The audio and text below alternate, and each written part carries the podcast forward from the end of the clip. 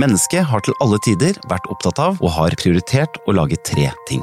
Mat, verktøy og kunst.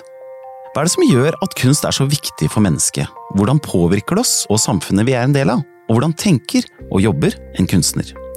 Hver gang staten bygger noe, settes det av penger til kunst. KORO, Kunst i offentlige rom, gir også ut prosjektmidler man kan søke på hvis man har en god idé. Koros kunst befinner seg på steder der folk ferdes og oppholder seg. Jeg heter Kåre Magnus Berg, jeg er kunstner og programleder, og dette er Verksted. På veggene i et langt og opplyst rom i lyse farger henger det en rekke med vakre og litt mystiske gjenstander. Når man går tett på, så ser man at det er ulike figurer i naturmaterialer, blant annet tre, ben og skinn, som er bearbeidet og polerte. Figurene representerer religiøse amuletter, og hver og en av dem er festet i en avstøpning av en hånd. Hånden tilhører kunstneren Ahmed Omar, og er altså skaperen bak verket Glowing Phalanges, som nå skal inn i det nye regjeringskvartalet. Omar har vokst opp i en muslimsk familie, både i Sudan og i islams aller helligste sted, Mekka, og bruker sin religiøse bakgrunn i kunsten sin. Hva betyr det å arbeide kunstnerisk med religion i et samfunn som lener seg så mye på rasjonalitet og vitenskap? Velkommen skal du være, Ahmed. Tusen hjertelig takk. Altså, Du er en veldig populær kunstner om dagen. Ja, nå, nå skjer det ganske mye. Det skjer mye. mye. Altså, du har nylig hatt soloutstilling på Kunstnernes hus, fått masse presse og gode kritikker, og blitt nominert da, til den prestisjetunge Lork Slive-prisen. Altså, Hvordan uh, føles det å få denne oppmerksomheten? Uh, det er veldig rart. Det, jeg føler det mest når jeg drar på loppemarkeder og blir gjenkjent av uh, foreldrene der, ja. og at jeg ikke klarer lenger å prute så mye som jeg gjorde før. Så oh ja, for nå vet du! De vet nå, nå begynner ja, det å gå bra liksom, for Hei, jeg er fan, og jeg har sett din utstilling, og sånn. Og ja. så sånn, ok. All right. 50 kroner istedenfor 30. Så, ja. Men det er kanskje en liten pris å betale, da? For det må jo være veldig en god følelse? Ja, det er veldig hyggelig. Det er veldig hyggelig. Jeg fatter fortsatt ikke hvor, hvor stort er det. Mm. Hvis vi starter på liksom begynnelsen. Når visste du at det var kunst du skulle holde på med? Jeg kan si hele, hele tida. Så lenge som jeg kan huske, så uh, var jeg veldig interessert i tegning. Eh, det var det som gjaldt den tiden, fordi det var det enkleste, og jeg hadde materiale for det. Og når jeg ble spurt hva skal du bli når du blir stor, så svarte jeg alltid kunstner. Jeg av naturen er veldig introvert, og jeg brukte tegning som eh, en unnskyldning å ikke gå ut og spille fotball med gutta. Jeg var veldig flink til å tegne. Mm. Så det var min måte å vise en slags uh, makt. På en mm. måte I klassen så var jeg den flinkeste. Ja. Da kommer alle store gutter og mobbere og ber meg å tegne for dem. Ja. Og det gjorde jeg med glede, fordi jeg, tegner, jeg, jeg tegner først til de, og så tegner jeg det beste for meg. Ja. Så, så, det er uh, Det var min måte for å sikre min, uh, min plass. Ja. Og når jeg ble eldre, så ble det nesten sånn et kodespråk. Tegne ting som ingen andre forstår. Mm. En måte å snakke på som, som var lett for deg ja. å uttrykke seg gjennom. Og det er fortsatt den måten som jeg føler at uh, det er enklest for meg å prate om mine følelser. Uh, jeg turte ikke å si så mye. Uh, fortsatt tør jeg ikke å si så mye, men jeg lager kunst som gir en sånn trygg ramme for at jeg kan snakke åpent om det jeg føler og har lyst til å snakke om eller endre i samfunnet og sånt. Men det er sånn også at jeg bodde i et samfunn hvor kunstnere har minst status, og de kan veldig sjeldent klare å få mat på bordet. Så det rasjonelle valget skulle bli uh, noe annet. Min familie ville at jeg skal bli en lege. Ja, Og hvordan var det da, når du, det ble mer og mer klart for dem at du skulle bli kunstner? Det er faktisk uh, fortsatt uh, ikke helt um, de skjønner ikke helt hva, hva jeg driver med. De, de, de, er heller ikke så veldig interessert. Men uh, jeg har det bra. Glowing phalanges betyr glødende fingerledd, og arbeidene har tidligere vært stilt ut på Sandefjord kunstforening og som solutstilling på Kunstnernes hus i Oslo. Altså, tittelen, mm. Hvor kommer den fra? Tittelen kommer fra skoletiden eh, tilbake i Saudi-Arabia, inspirert av min posisjon mellom to kulturer som har eh, mye til felles. De er begge muslimer, men de har også ganske store forskjeller i hvordan de ser islam, og hvordan de praktiserer islam og spiritualitet. Eh, jeg kommer fra en familie som er sofi, eller mystisk. Og jeg vokste opp i Mekka, hvor de har mer en retning i islam som er litt mer konservativ, og det heter uh, wahhabisme. Um, ganske ekstremt. Og de dømmer alt og alle. Um, de wahhabistene i Mekka hadde veldig mye fordommer mot uh, hvordan min familie, eller hvordan sofisme er generelt. Og mm. jeg så også hvordan forvirret min familie var i forhold til deres egne tradisjoner. Og det som var presist i dette prosjektet, eh, var bruken av bønneskjede for å telle bønner. I Sudan bruker vi bønneskjeder, eh, og i Mekka er det, eh, hørte jeg på skolen, at det ikke er lov, og det er kjetteri. En vei til misguidance, and the misguidance leads you to hell. Mm. Så var jeg i denne posisjonen hvor jeg følte alltid at det var veldig farlig, det min familie driver med. Og læreren sa i tillegg at dere må droppe bønneskjedet og bruke fingerleddene i stedet. Da kommer alle til å belønne dere med at deres fingerledd kommer til å lyse og gløde i den dømmedagen som er veldig mørk og skummel. Og det var der eh, tittelen kommer fra det inspirerte meg til å uh, lage denne reisen som jeg hadde. Uh, fra det å se på min families tradisjon som uh, urein, til at jeg hyller det gjennom denne utstillingen. Det er en pågående serie. Det startet først med at jeg lagde en bønn til hver fingerledd i min høyre hånd. Tommelen har to, men vi teller den som tre.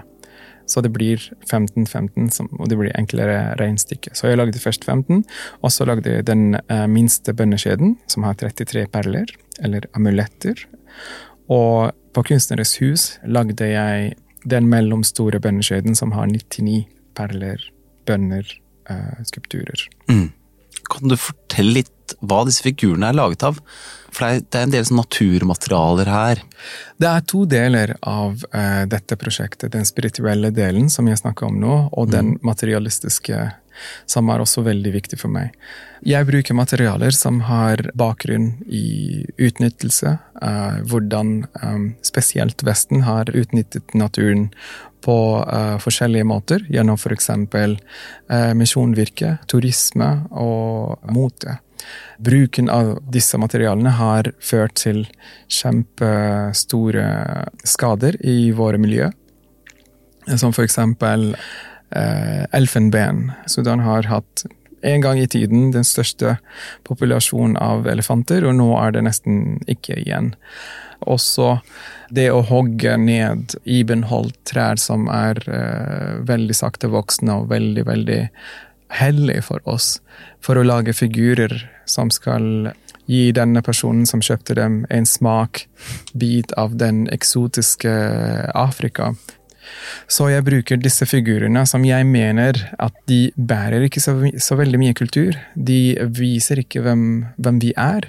Det er liksom en dame som har krukke på hodet, eller en antilope som ammer en liten kalv. og sånn, Så det, det er veldig repetitivt. Det er masseproduksjon som that feeds in, in, in, på hvordan Vesten skal se oss. Mm.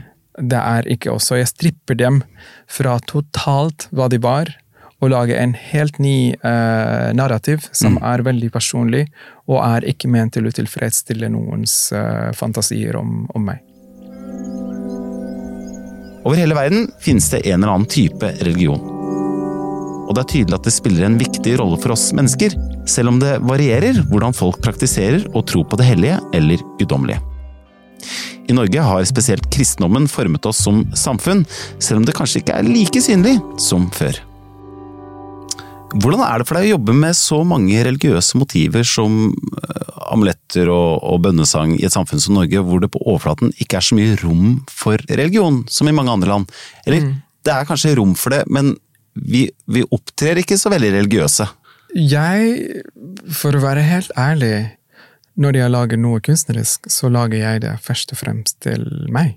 De historiene som jeg har lyst til å jobbe selv med traumene som, eh, som, jeg opplevde.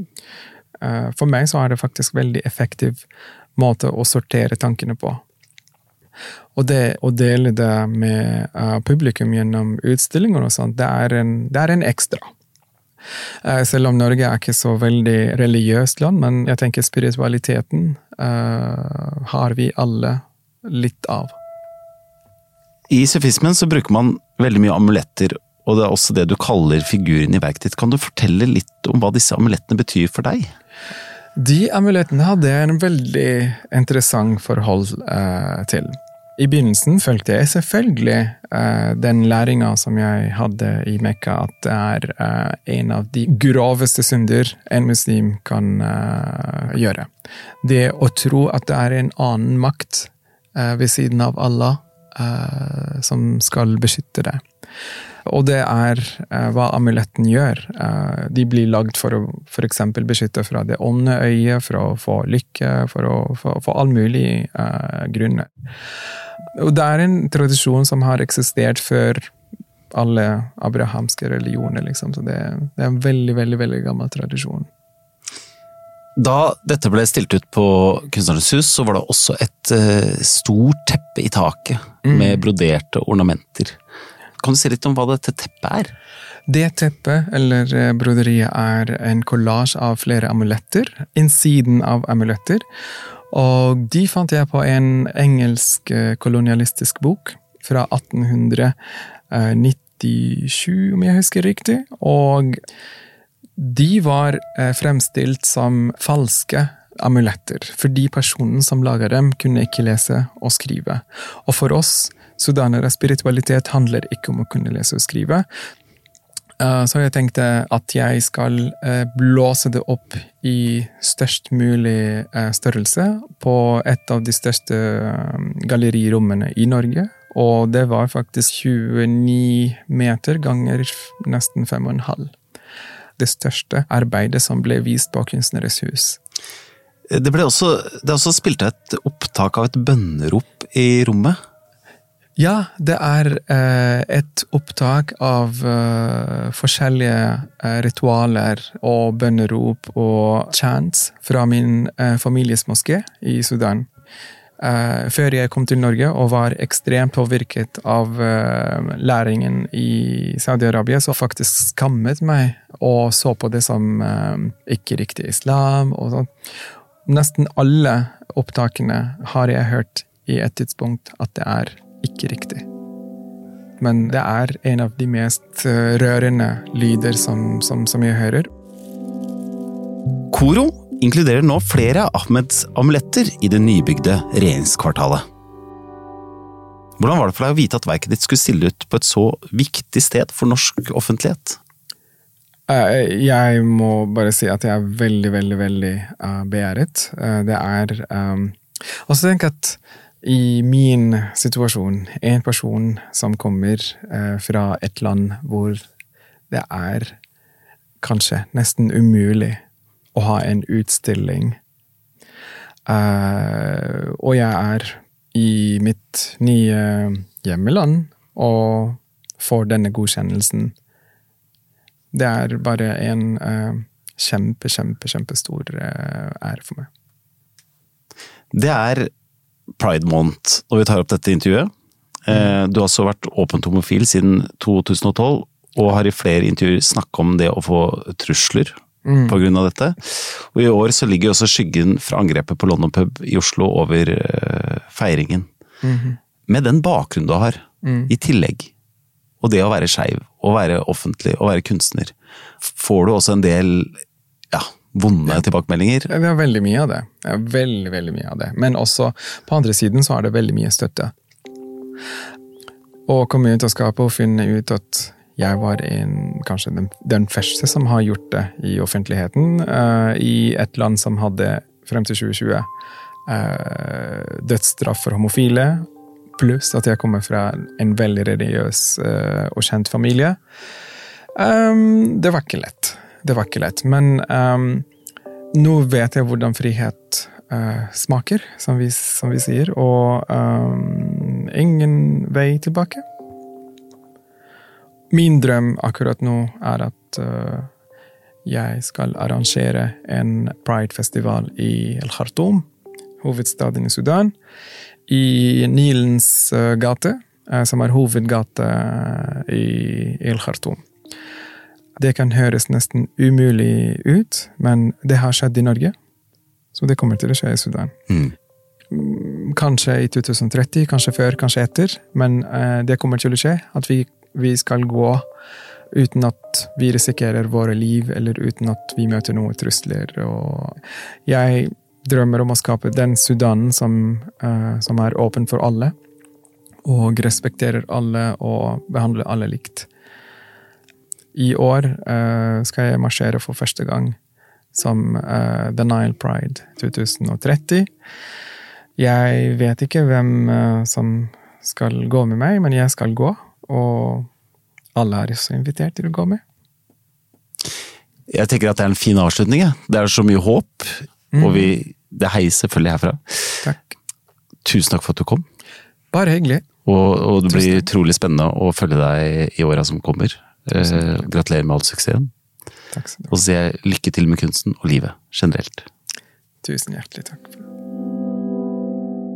Denne podkasten er produsert av Feelgood scene, film og TV for Koro, og er laget av Anna Katarina Haukland, Ann Lisbeth Hemmingsen og Maria Havstam fra Koro. Manusforfatter Anne Gerd Grimsby Haarr og meg, Kåre Magnus Berg. Episoden er klippet av Thomas Olaisen. Produsent er Miriam Ofsdal Berg.